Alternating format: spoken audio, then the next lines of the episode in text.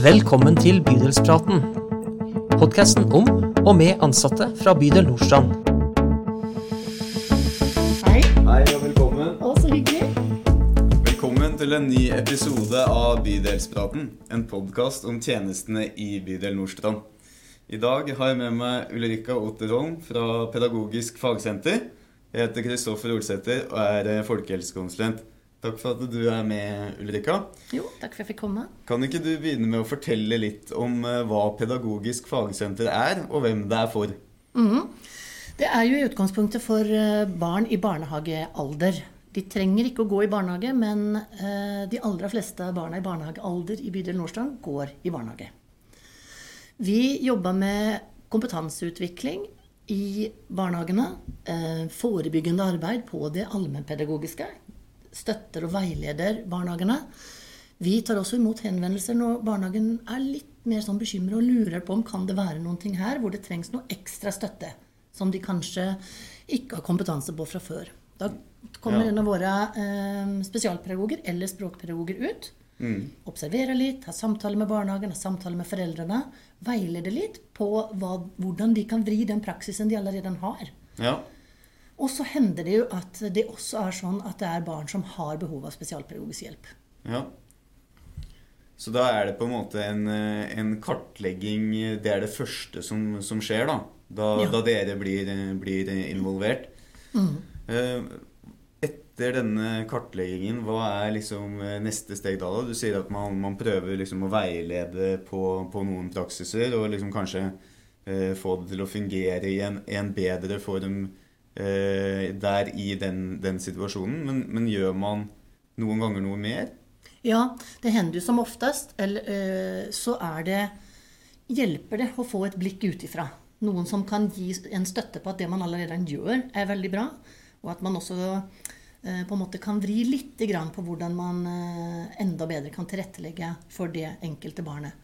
Men så er det jo også sånn som du sier, at eh, det er ikke alltid at det er nok. Nei? Eh, Og da eh, fungerer det sånn eh, etter barnehageloven at da er det PPT som skal gjøre en sakkyndig vurdering. Ja. Og hva er egentlig PPT? Det er ikke sikkert alle som hører Mm. Nei, på, på det er jo ikke sikkert. Nei? Det er pedagogisk-psykologisk tjeneste. Og i Oslo kommune så er ikke det organisert på bydelsnivå, men på, på kommunenivå i Utdanningsetaten. Ja. ja, så da kommer det noen fra Utdanningsetaten inn da, og blir involvert i, i saken. Mm. Ja. Og de, har, de er også spesialpedagoger, så, så mye av den jobben altså de, de bygger også videre på det vi har gjort fra før. Så hvis det har vært en spesialpedagog hos oss, eller en språkpedagog eller logoped, som vi også har, som allerede har gjort en kartlegging, så bruker de den videre.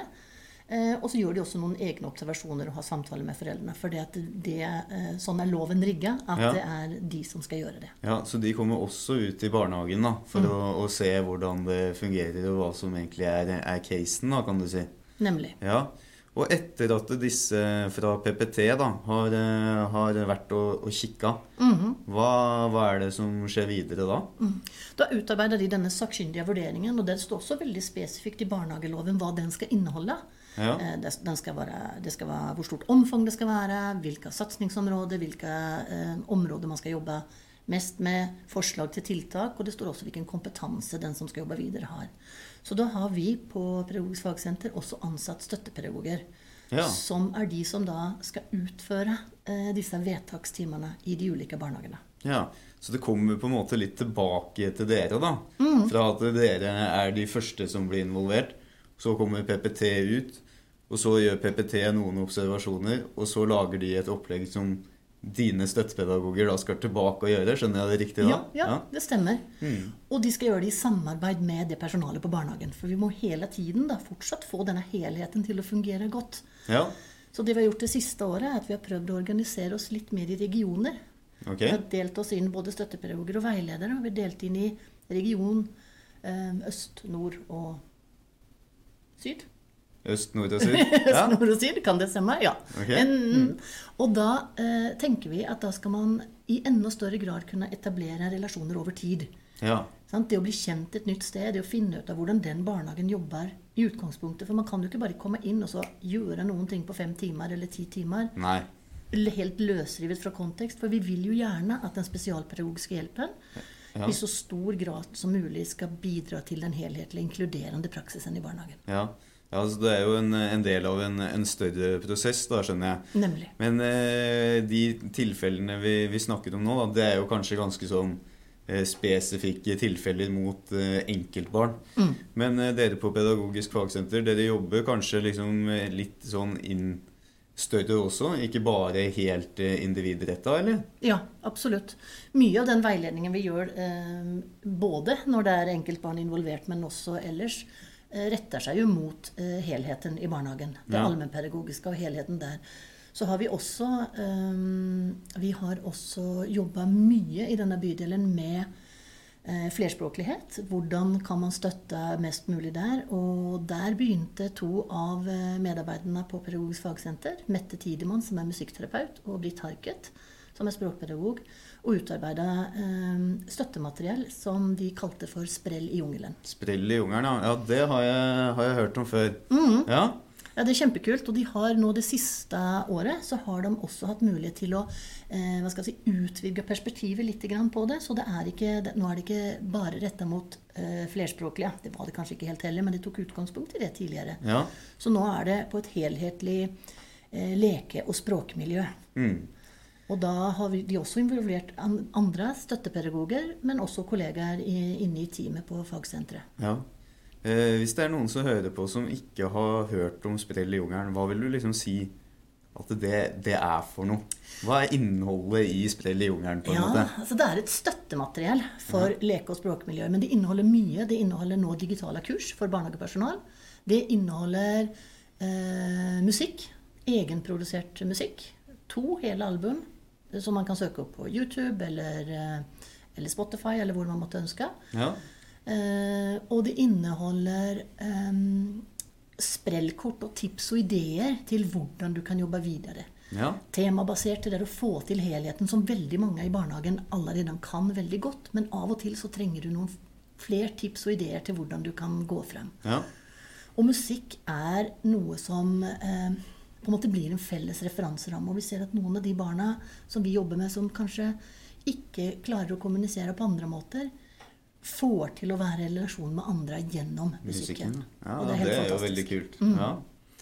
Eh, Nå går tida veldig fort der, og jeg skulle gjerne liksom likt å, å snakke litt mer om eh, sprell i jungelen. Men jeg har også hørt at dere eh, nå starter et, et samarbeid med, med Oslo Met. Mm, Så jeg tenkte, tenkte kanskje du kunne bruke liksom sånn ett til to minutter på å fortelle om eh, hva er, er dette samarbeidet, og hvem skal være med, og hva skal man prøve å få til. Mm. Det er eh, et kompetanseutviklingsprosjekt.